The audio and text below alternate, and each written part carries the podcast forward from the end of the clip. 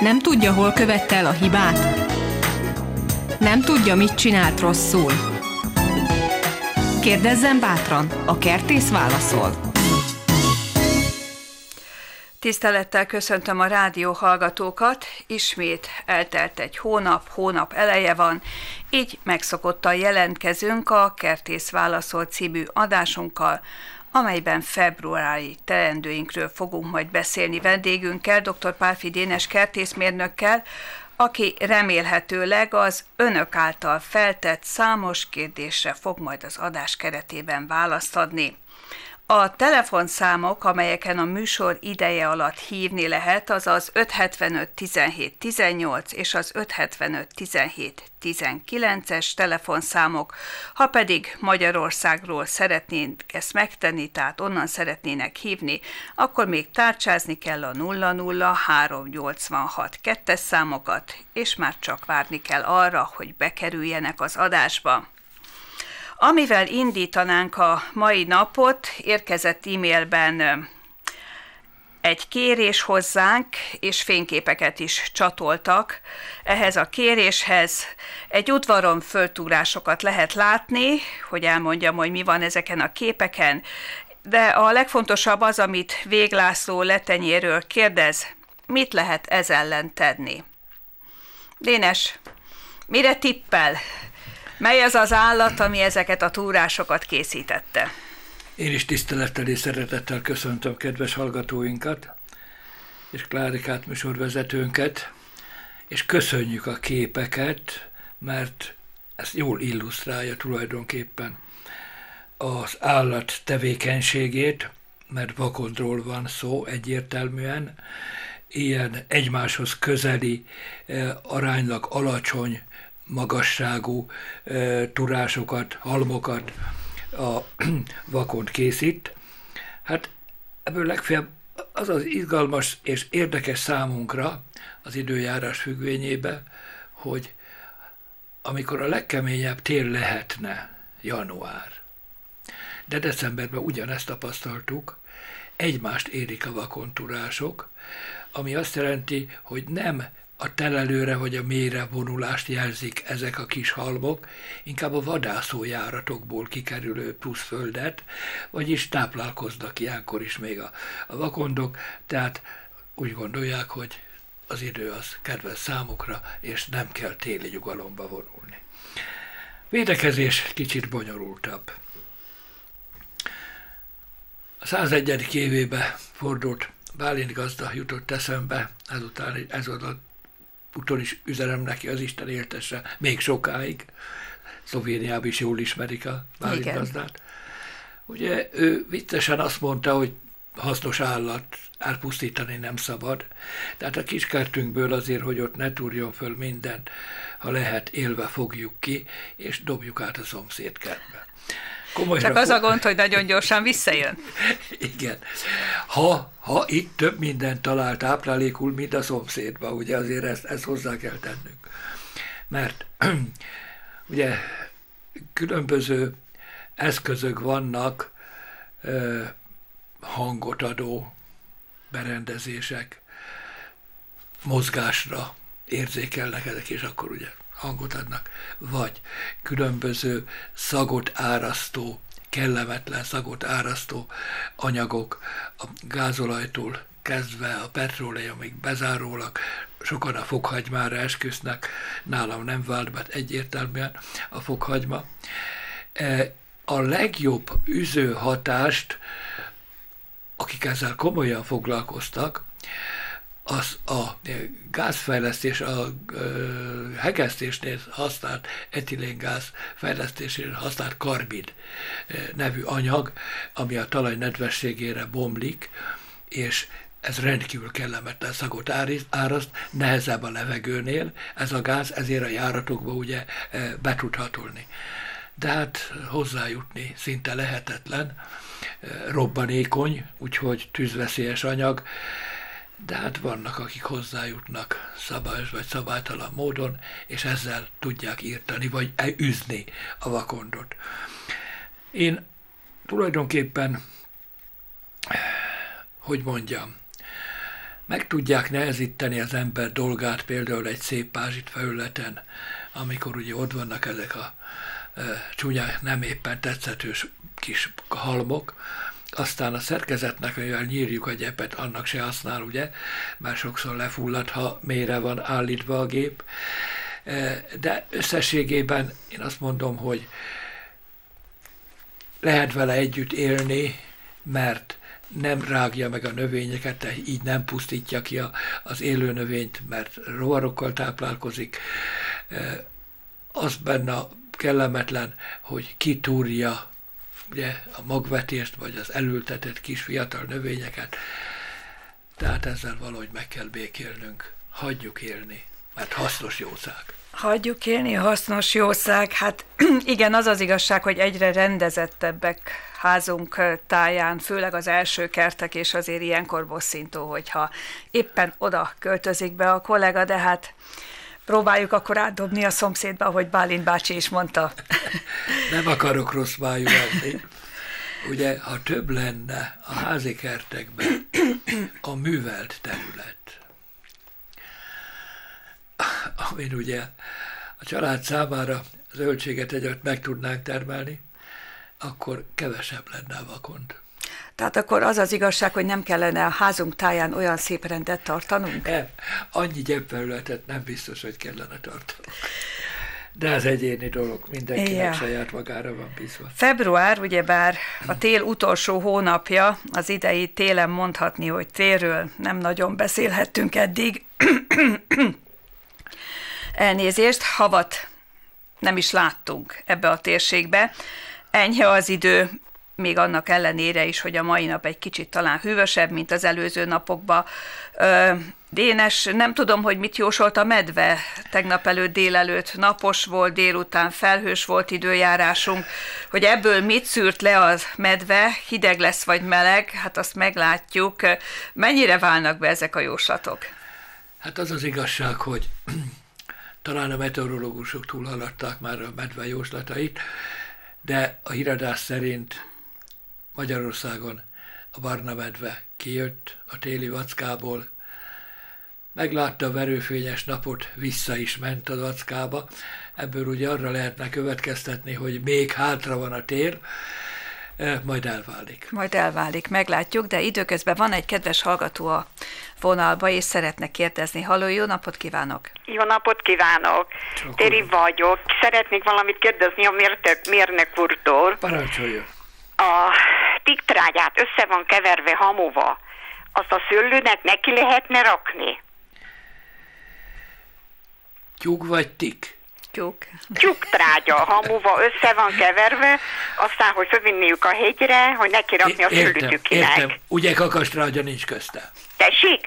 Ugye kakastrágya nincs közte? Nincs. Akkor minden további nélkül. Szólóba is, tehát külön is, és összekeverve hamuval még inkább.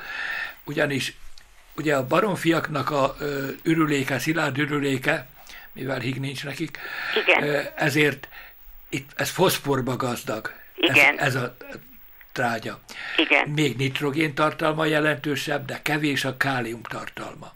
Aha. attól függően ugye, hogy milyen e, fahamut keverünk hozzá, általában ott a kálium tartalom e, megvan, tehát jól egészíti ki a hamu tulajdonképpen a tyúktrágya hiányzó kálium tartalmát, Igen. de azért szőlőnél nem pótolja azt a 2-1-3-as arányt, hogy két rész nitrogén, egy rész foszfor és három rész kálium, ott még nem állt egy kis kálium kiegészítés.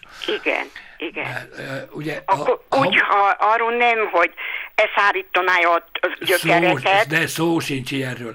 A, a hamunak egyetlen problémája lehet nagyobb mennyiségben csak. Igen. Hogy igen. lugosítja a talajt. Igen, igen, igen. De ugye nem tudom a termőhely hol van, hogy Az ampörgülás, Dobronakon az ampörgülás szélénál gondolom ott azon a területen. Ó, hát az savanyú talaj, ott direkt ez a kis lugosság jót tesz a talajnak, úgyhogy könnyebben lesz művelhető.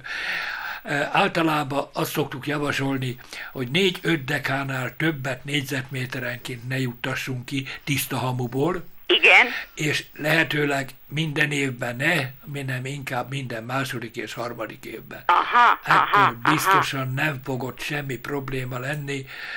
Szőlőben egyértelműen nem, de ha köztesként valamit még a szőlőbe termelünk, azzal sem. Igen, igen, igen, igen. Nagyon szépen köszönöm. Mi köszönjük a Viszlát, kérdé- viszlát. kérdését, Köszönöm szépen. csókolom.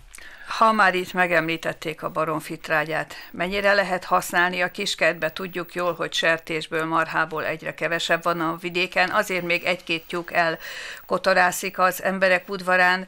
Ö, Kiskertben mennyire jó használni? Ugyanúgy ezt a kombinációt, amit említett a hölgy.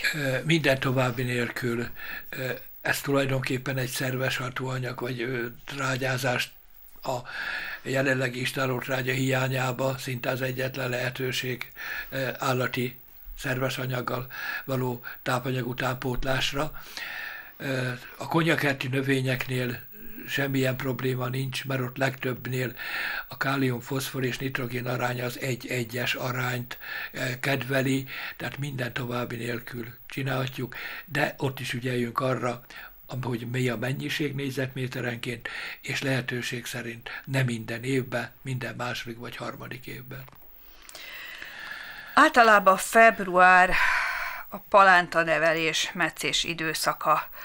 Ezek a munkák szoktak felmerülni az utolsó téli hónapba, meccéssel már, ahogy a Csentei Balázsnapi pincejáráson beszélgettem a gazdákkal, az ügyesebbek már végeztek. Kihasználták a decemberi, januári enyhe időt, és már készen vannak, most már csak azon imádkoznak, hogy nehogy egy hidegebb időszak köszöntsön rájuk. Mit tud a, na, hogy mielőtt erről beszélgetni kezdenénk, van egy hallgató a vonalba, aki szeretne kérdezni, majd utána ezt a témát folytatjuk. Halló, jó napot kívánok! Jó napot kívánok!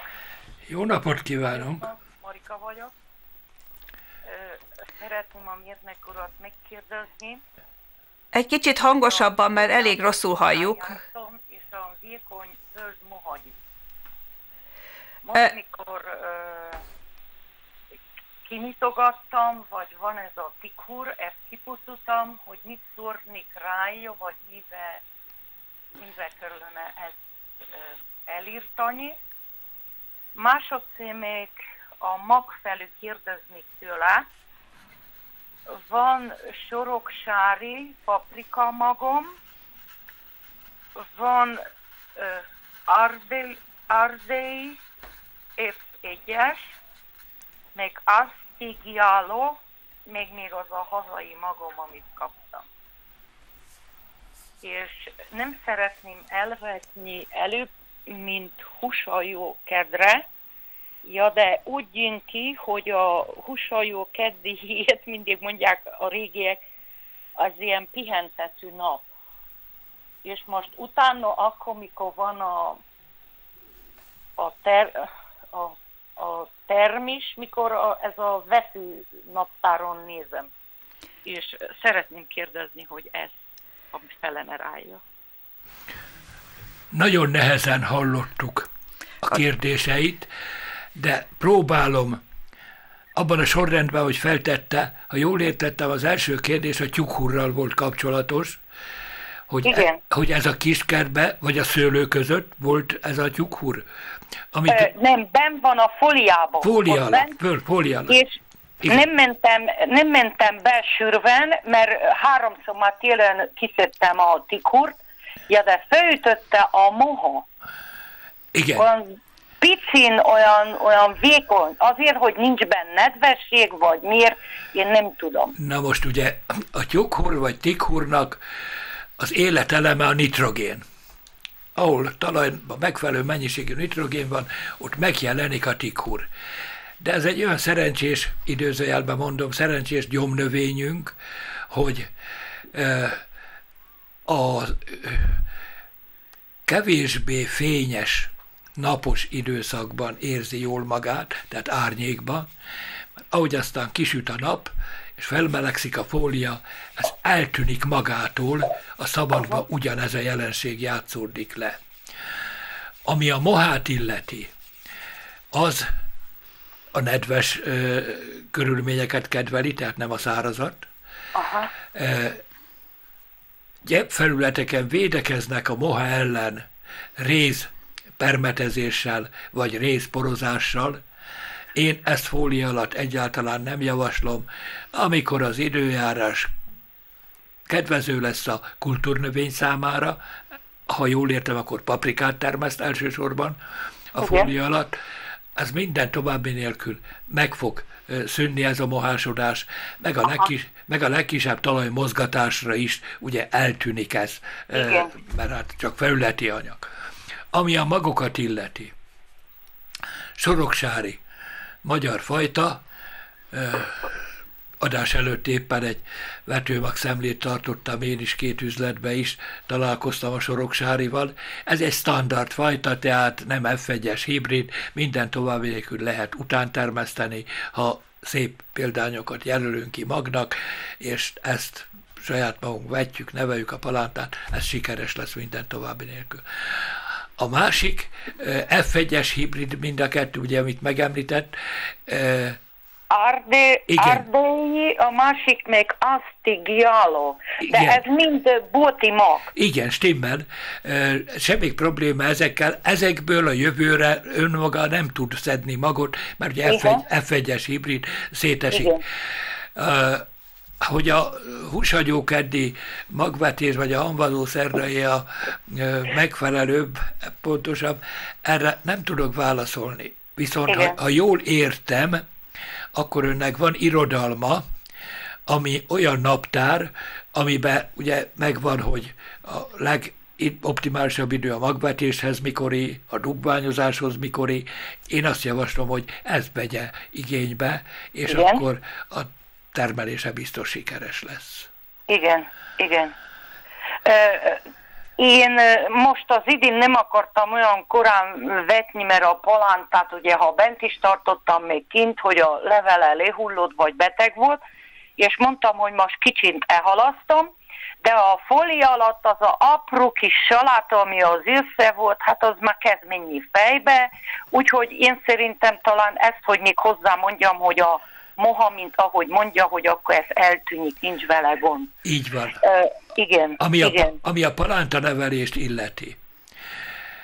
Ugye, hogy, hogy mondta, kiviszi, beviszi, ugye a palántát? Gondol... Nem, azt most még nem, hanem mindig a spájzban van úgy ablakom, Értem. hogy ottan hűvösebb, nem olyan forró, mint a lakás. Értem, értem. De tava porú jártam, hát az no. ember beteg, akkor nem tud úgy foglalkozni kezivese, de ez idén meg gondoltam, hogy ö, ö, egy, mint, mint maga, amikor mondta, hogy hát ugye ezek az új magok, ezek az új palánták, ezek most előbb valamikor kettőt szoktunk, kettőt szoktunk egybe ültetni, de mostant ö, én megtartottam a maga mondását, hogy egy szem, egy, egy szál, és akkor így mostant remélem, hogy akkor megfelelő. Na, nagyon szépen Nagyszer, akkor még... Nagyszerű. Tehát a palánta neveléshez, ha házi körülmények között próbálkozunk, akkor lehetőleg azt az időpontot válaszuk, amikor már kint is az időjárás a legkedvezőbb. Ugye? Igen. Most önnek ott van fóliája. Annak az egyik sarkába, hogy gyönyörűen meg lehetne a palántát nevelni rekeszbe, vagy tegyészedénybe, eh, de még szinte a fólia alá talajába vedve is, mert az szinte egy üvegházzal felér az a ház. Igaz. Pontosan. Jaj, nagyon szépen köszönöm. Mert ugye a saláta is kikelt gyöny- gyönyörűen, és hát szép volt, nagyon szép volt. És örülök, hát, örülök hogy telefonált. De tudja, hogy most milyen nagy? Már egyik, egyik fajta, hát ez csodálatos, mikor bebe mentem úgy, hogy kicsit, ha kisütött a nap, reggel jó hideg volt, hát benvert a víz. Úgy meg van csinyálva, ugye. Kitűnő, kitűnő az a ház, kitűnő. Igen. És Igen. ugye az időjárás olyan volt, hogy hideg szinte alig vagy, vagy napsütés is volt. Az a ház, ahogy kisüt a nap, gyorsan felugrik 20-30 fokra a hőmérséklet, tehát egy ideális termesztő berendezés az. További sok sikert! Majd Nagyon pár, szépen köszönöm! Pár, fajta palántát majd én a ültetés idejére viszek. Jó, köszönöm kipróbálni, úgyhogy... Jó, nagyon szépen kérem, köszönöm, üdvözlök mindnyájukat, köszönjük, viszont. meg mindenkit.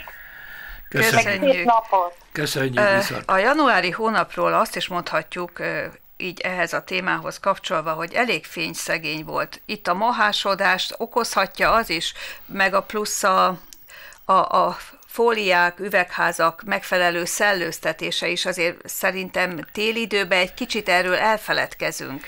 Na most ugye téli időben legtöbb fűthetetlen termesztőberendezés, vagy hideghajtatásra épített termelőberendezésbe legtöbbször nincs kultúrnövény, ugye? Szabadon van. Azt ott megjelenik a tyukur, mert olyan az időjárás, vagy megjelenik a moha. Tehát ö, inkább akkor hallgassuk meg a kérdezőt. Innen folytatjuk. Innen folytatjuk. Halló, jó napot kívánok! Hagyjon Isten jó napot! Csók Erzsi! Nos, csak alá tudom támasztani a műsor elején elhangzottakat, a pucok turással kapcsolatban, mi szerint így hívták annó Somogyban. Én most fejeztem be 10 órakor az áskálódás kint a kertben meg az utcán. Nálam egyetlen egy nincs. Viszont a horgászok imádnának itt áskálódni, mert rengeteg giliszta van, és érdekes módon ennek ellenére egyetlen egy nincs. Igaz, hogy én ások állandóan. Télen-nyáron. Csak egyet nem árult még el nekünk Nos. a többszöri találkozáshoz, hogy árkotás-e vagy a növényeknek kátársa. Nem árkotások, itt azt, eme, azt emeti, helyes. Köszönjük. Itt van csapadék elvezető csatorna, úgyhogy hála Isten nem kell nem kiskamizán kell, volt, kell de nekem még az is, mm, mit is mert kukacvirágot tele volt, gyönyörű volt. Igen. Na, volna egy nagy kérdésem. Az imént fölmásztam szekrény tetejére majdnem, és kíváncsi lennék, hogy ezek a magok ki fognak kelni. A igen. magnóliáról van szó? Igen. El van vedve? Hogyan lenne? Hát Ott akkor... van szépen egy dobozban, hogy megbeszéltük. A... Valahogy nem hajtanak. A, nem baj, nem, nem is fognak hajtani. Ah, ahhoz el kell vetni. Na ez a kérdésem, hogy mikor tetszik erre kanyarodni. E, kaphatok egy telefonszámot? Igen, 30-as. Igen. 50. 6, 8, 9. Pillanat 30. Igen. Tovább. 50. 50. 6, 8, 9. 6, 50. 8, 9. 50. 50. Tehát még egyszer. Ezen biztos elér. 50. Igen. 6, 8, 9 és 50. 50. Köszönöm. Pontosan. Köszönöm. Tervem van Kanizsára menni a magokért, úgyhogy de ezt erről Akkor erről... majd itt megbeszéljük a többi, köszönöm, millió köszönöm, kérdésem van. Köszönöm, akarom köszönjük a telefon.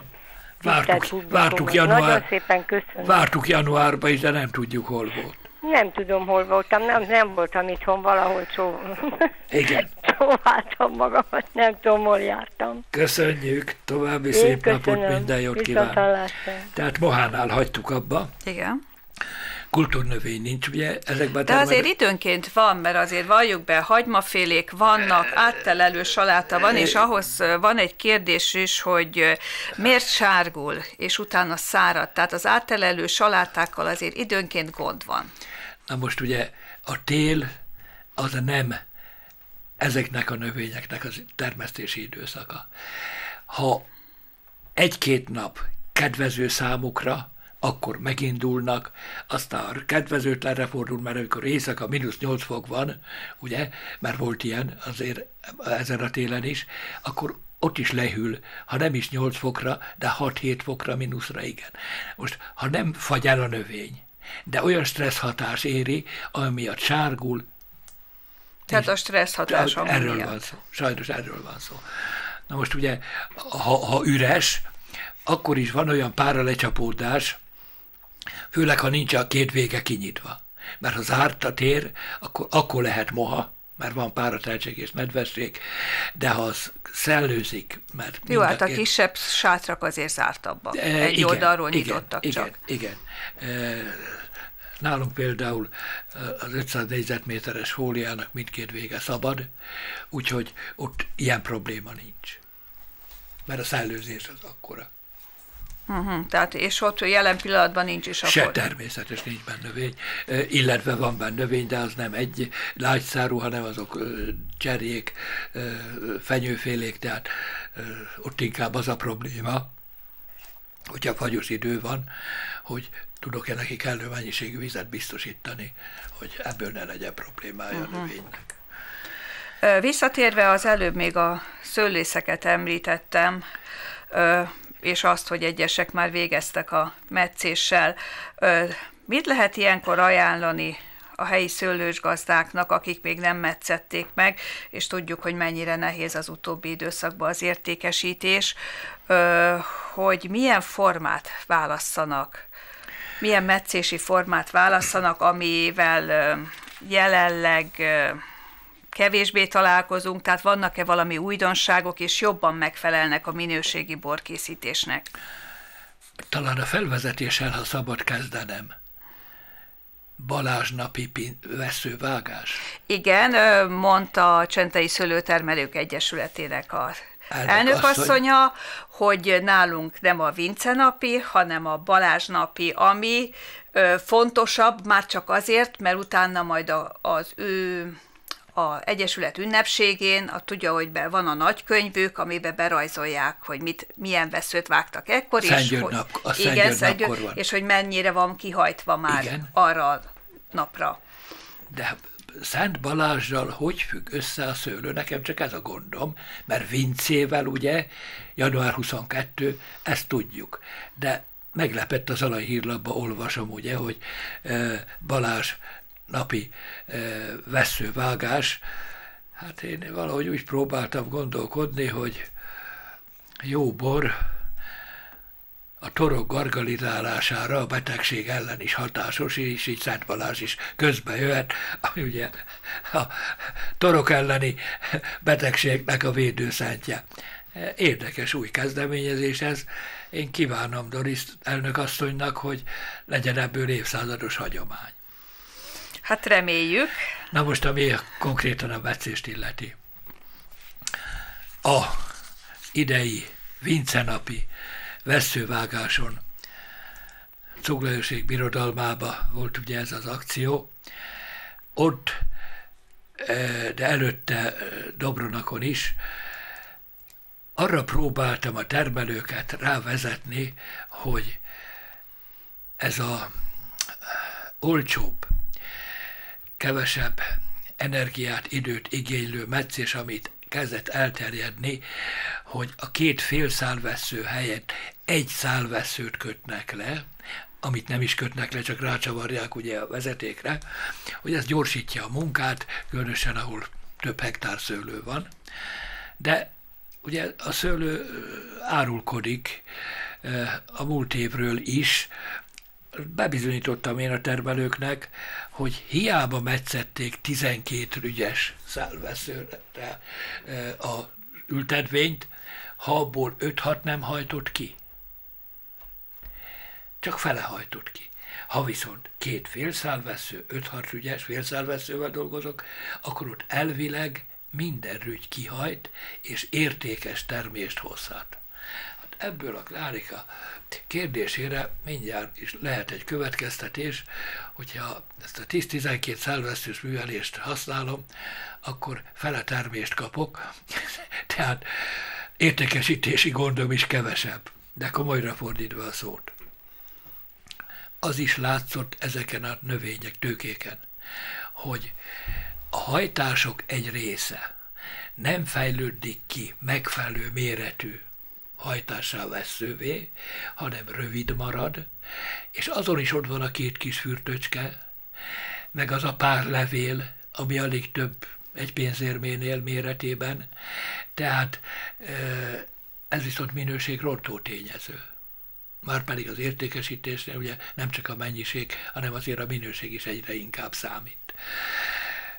Mert ugye a termelőt Nekem a legnagyobb kudarcom a 41 néhány éves igehirdetés kapcsán az, hogy a zalai termelőt nem tudtam abban befolyásolni, hogy mérsékeltebben terhelje rügyszámban a tőkét, mert a szőlő kompenzál.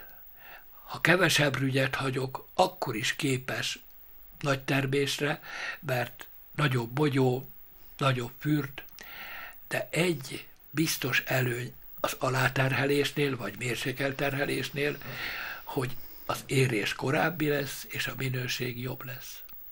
A túlterhelés az a minőségnek a legnagyobb kárt okozója, ezért én négy, öt rügyjel terhelem négyzetméterenként az ültedvényt. Egy sirakot, egy Zweigelt semmi esetesen többel négy rügyre, mert számoljunk. Ebből a négy rügyből lehet nyolc fürt. Ebből a nyolc fürtből a 15-20 dekás Zweigelt és Sirak nagyméretű fürtök, tehát ha kiszámoljuk a négy rügyet, az nyolc fürt, a 20 dekával ott van a 16, több mint másfél kiló szőlő. Márpedig azt régen bebizonyították a kutatók, hogy a szőlő terhelésénél a másfél kiló per négyzetméteres terhelést büntetlenül nem tudjuk megúszni. Inkább az aláterhelés. A meccésnél a több rügyre esetében mindig azt mondja a termelő, de hát annyi baj érheti még azt a szőlőt ugye az év folyamán, mert majd ritkítom ám én azt a termést, meg ezt, meg azt csinálok, ugye majd leválogatom zölden, stb. De még szünetel, két héttel is ott van a nagyobb mennyiségű termés, akkor még mindig azt mondja a termelő, még mindig érheti baj azt a szőlőt. Igaz, érheti baj, de ott már akkor nem tudunk semmit csinálni. Természetes, vannak ennek a termés mérséklésének is, hogy mondjam, túlzásai, mert az 50-70 dekás per tő ritkítás azért az meggondolandó. Oda már olyan minőséget kell előállítani ebből a minős, alacsony termésből, és olyan vevőközösségnek kell lenni, ha értékesítésre termel a termelő, aki meg is fizeti ezt a magasabb minőséget. De sajnos nekem az a tapasztalatom, hogy a borfogyasztók jó vagy nagyobbik része nem a minőségi árut igényli, ellenkezőleg, két szempont vezérli, olcsó legyen, és minél jobban hasson. És ugye Bakonyi Karcsi bácsit idézem itt, a szőlőnek illik eltartani önmagát közgazdaságilag. De hát eléggé bonyolult ez a dolog, mert a saját magunk részére termelünk, akkor ugye közgazdaságilag nem szoktuk a saját munkaerőket számolni. Egész más az önköltsége így a termésnek, mint amikor felszámolunk mindent, tokkal, vonóval, és akkor mi az önköltség. Tehát az egy kiló körüli, 80 deka egy kiló körüli szőlőt, az illik megtermelni a termelőnek, a tőkének ahhoz, hogy valóban rentábilis legyen valahol a termelés maga. Tehát akkor ebből azért valahogy azt mondtam le, hogy az egyszálveszős művelés nem annyira szimpatikus, tehát a szőlő talán mégis a két csap két szálvesző, csak nem szabad túlterhelni. Erről van szó. Én, én ezt vallom, a gyakorlat ezt bizonyítja. Merondom, a tőkén ezt egyértelműen tudtam bizonyítani minden fajtánál. Kétszálvesző esetében maximum hány rügy? Jobbra-balra négy-öt rügy. Ugye általában két négyzetméteresek a tegyész területei az ültetvényeinknek a kordonnál. Ez megfelel a négy-öt rügyes per négyzetméter rügyterhelésnek. És akkor biztos, legalábbis 99%-ban már lehet defektes rügy, de ebben az esetben 99%-ban biztos, hogy a rügyterhelés azonos lesz a hajtásterheléssel, mert ki fog hajtani minden rügy. Tehát akkor ez egy jó tanács a szőlészeknek. Érkezett egy kérdés a káki meccésével kapcsolatban is azt kérdezte a kollega, hogy mire kell ügyelni, tehát egy kis kákifa esetében a korona kialakításánál. A kákik nagyon intelligensen tudnak önmaguktól is koronát nevelni, legalábbis indítani. Amikor az ember egy-egy konténeres fácskát megvesz, szép, szabályos ágemelet alsó kialakítva, sőt, már a második emelet is szinte félig kész. Ezért a meccésénél csak arra kell ügyelni, hogy ne sűrűsödjön el a korona, egymást keresztező veszőket, ágrészeket kivágni, és a sűrű túlzsúfoltságot csökkenteni. Délszaki növényről van szó, fényes, hőigényes, tehát minél jobban bevilágított legyen a korona, megvilágított és szellős. Úgyhogy itt a veszők visszavágására, meg egyéb nem szabad ezeket, mert hiszen ott hozza termőrügyeit, és majd a termést a fa, tehát azzal a termést vágjuk le. A hagyományos korona, vagy pedig a katlan korona a megfelelő? A hagyományos, hagyományos korona. Hagyományos korona, és a katlan koronánál eh, a lehasadás veszélye, a széttörése a koronának nagyobb, mint a sudaras, többszintes korona kialakítás. És mondjuk a káki eléggé szeret hasadni, Pont, törni, azért, könnyen ezért, ezért, ezért mondom, uh-huh. erre ügyeljük. Tehát a hagyományos korona csak Így a besűrűsödést kell megakadályozni. Igen. Ö, Február az oltóveszők szedésének is az ideje. Nagyon enyhe az idő. Mikor szedjük, hogyan szedjük az oltóveszőt? Ilyen meleg, koratavaszi időben. Ugye többször szó volt itt a, ebben a műsorban is arról, hogy az oltásnak alapvetően kettő, illetve hármas sikere van. Az egyik a minél nyugalomban lévő oltócsap, a másik a minél inkább nedvkeringésbe lévő alany, hát a harmadik pedig az oltóember maga. Ezért az oltócsapok megszedésénél valóban a nyugalmi állapotot válasszuk ki.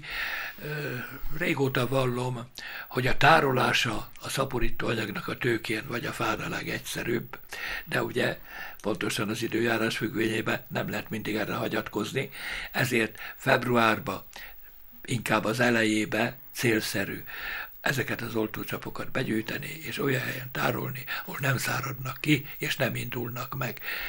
Ebből nem kell nagy ügyet csinálni. Akár tárnyékos helyén, vagy akár a pince körül, az északi oldalon egy kis gödörvágás, egy nejlonzacskóba benne oltócsap, letakarjuk földdel, semmi baja nem lesz annak. Árnyékos helyen hangsúlyozom, mert a napos helyen ugye könnyen melegszik a talaj, ott felmelegedhet a így tárolt oltócsap is. Mert a legszabályosabb szabályzott körülmények közt történő oltócsap tárolás, eltartás természetes mesterségesen hűtött körülmények között van. Én 520 fokon ö, tárolom ezeket a csapokat, és így megy át most megnéztem a múlt évből megmaradt, el nem használt oltócsapokat, egy részét fel lehet az idén használni, olyan állapotban vannak. Talán még egy kérdés, ugyan már hallottunk a magvetésről és a palánta nevelésről, hogy egyesek bizonyos vetési naptárt használnak. Hány hét kell egy erőteljes palánta nagyság eléréséhez a különböző zöldségfajtáinkba? Mikor van az az idő, amitől később már ne kezdjünk neki? A naptár, amit általában használnak termelők és Európa, ez ugye hold fázishoz igazodott naptár, egy német professzorasszonynak a könyve ez, ami minden éven újra jelenik meg. Ami pedig magát a palánta nevelés idejét illeti. Egy paprika palántának a másfél-két hónap szükséges. Egy szép edzett palántának. Ez Optimális körülmények között, között. Így van. Ez paradicsom esetében bő egy hónap, maximum öt hét. Szép palánta. Salátánál ez négy 5 hét maximum. Tehát káposztaféléknél 5-6 hét maximum, amikor szép zömök palántát tudunk ennyi idő alatt nevelni, mert valóban célszerű úgy időzíteni a palánta nevelést, hogy amire kiütethető legyen ez ö, védett, fedett termesztőberendezés alatt, még inkább a szabad földön, izgalmas az időzítés, megfelelő növ, erősségű legyen a palánta, de ne legyen túl öregített, túl koros palánta, mert az már nehezen indul, sose olyan értékű, mint a optimális méretet és fejlettséget elérő palánta. Kertészünk üvegházába már megtörtént a vetés? Igen, igen. Paprikát ö, vetettem, ö, paradicsomot még nem, ö, és szőlőt vetettem. Ez a két növény van vetés alatt, illetve elvetve, de csak előlegként paprika, majd február végén hm, végzem a többi. A nagyobb tételbe. Igen. Mi minden feladat vár még ránk ebbe a hónapban? Mire kellene figyelmeztetni a gazdákat? Hát ugye ez a hónap még most a meteorológusok szerint következik egy lehűlési időszak, még a pihenésre is alkalmas lesz, a tervezésre, áru és anyag beszerzésre, eszköz javításra, előkészítésre, és ez az időszak még mindig alkalmas ha ősszel elmaradt a kálium és a foszfor, mint alaptrágya kiuttatása, azt még mindig meg tudjuk tenni, különösen ilyen időben, amikor csendes eső van, talaj nincs megfagyva, sík területen egyértelmű kiuthathatjuk, és a víz bedolgozza a talajba, Lejtős területen pedig, ahol fűvel fűvesített például szőlő, ott minden továbbiak úgy szintén elvégezhetjük az alaptrágyák kiutatását, ha nem végeztük először. És még valamit a mikroelemtrágyákból. A vas és a magnézium, azokon a termőhelyeken, ahol sárgulásra hajlamos a szőlő, legyen az teljes felülete levélnek, vagy szalagosodás, magnézium, hiány mutató tünet esetében ott ezeket a mikroelemeket is kiutathatjuk még, hiszen ezeknek mire a növény tavasszal indul, vakad, gyökérzónába illik lenni. Ahhoz pedig azért idő és víz kell, ha nem lesz itt talajfagyás mélyebben, akkor ez az idő kiválóan alkalmas erre. Hát reméljük, kedves hallgatóink, műsoridőnk végéhez közeledünk, ezért vendégemnek megköszönöm, hogy válaszolt a kérdésekre, önöknek pedig megköszönöm megtisztelő figyelmüket, Gyűjtsék a kérdéseket, egy hónap múlva kertészünk ismételten itt lesz a műsorban, és akkor megpróbál majd önöknek segíteni. A viszont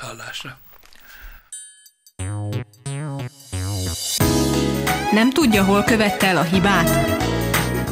Nem tudja, mit csinált rosszul? Kérdezzen bátran, a kertész válaszol.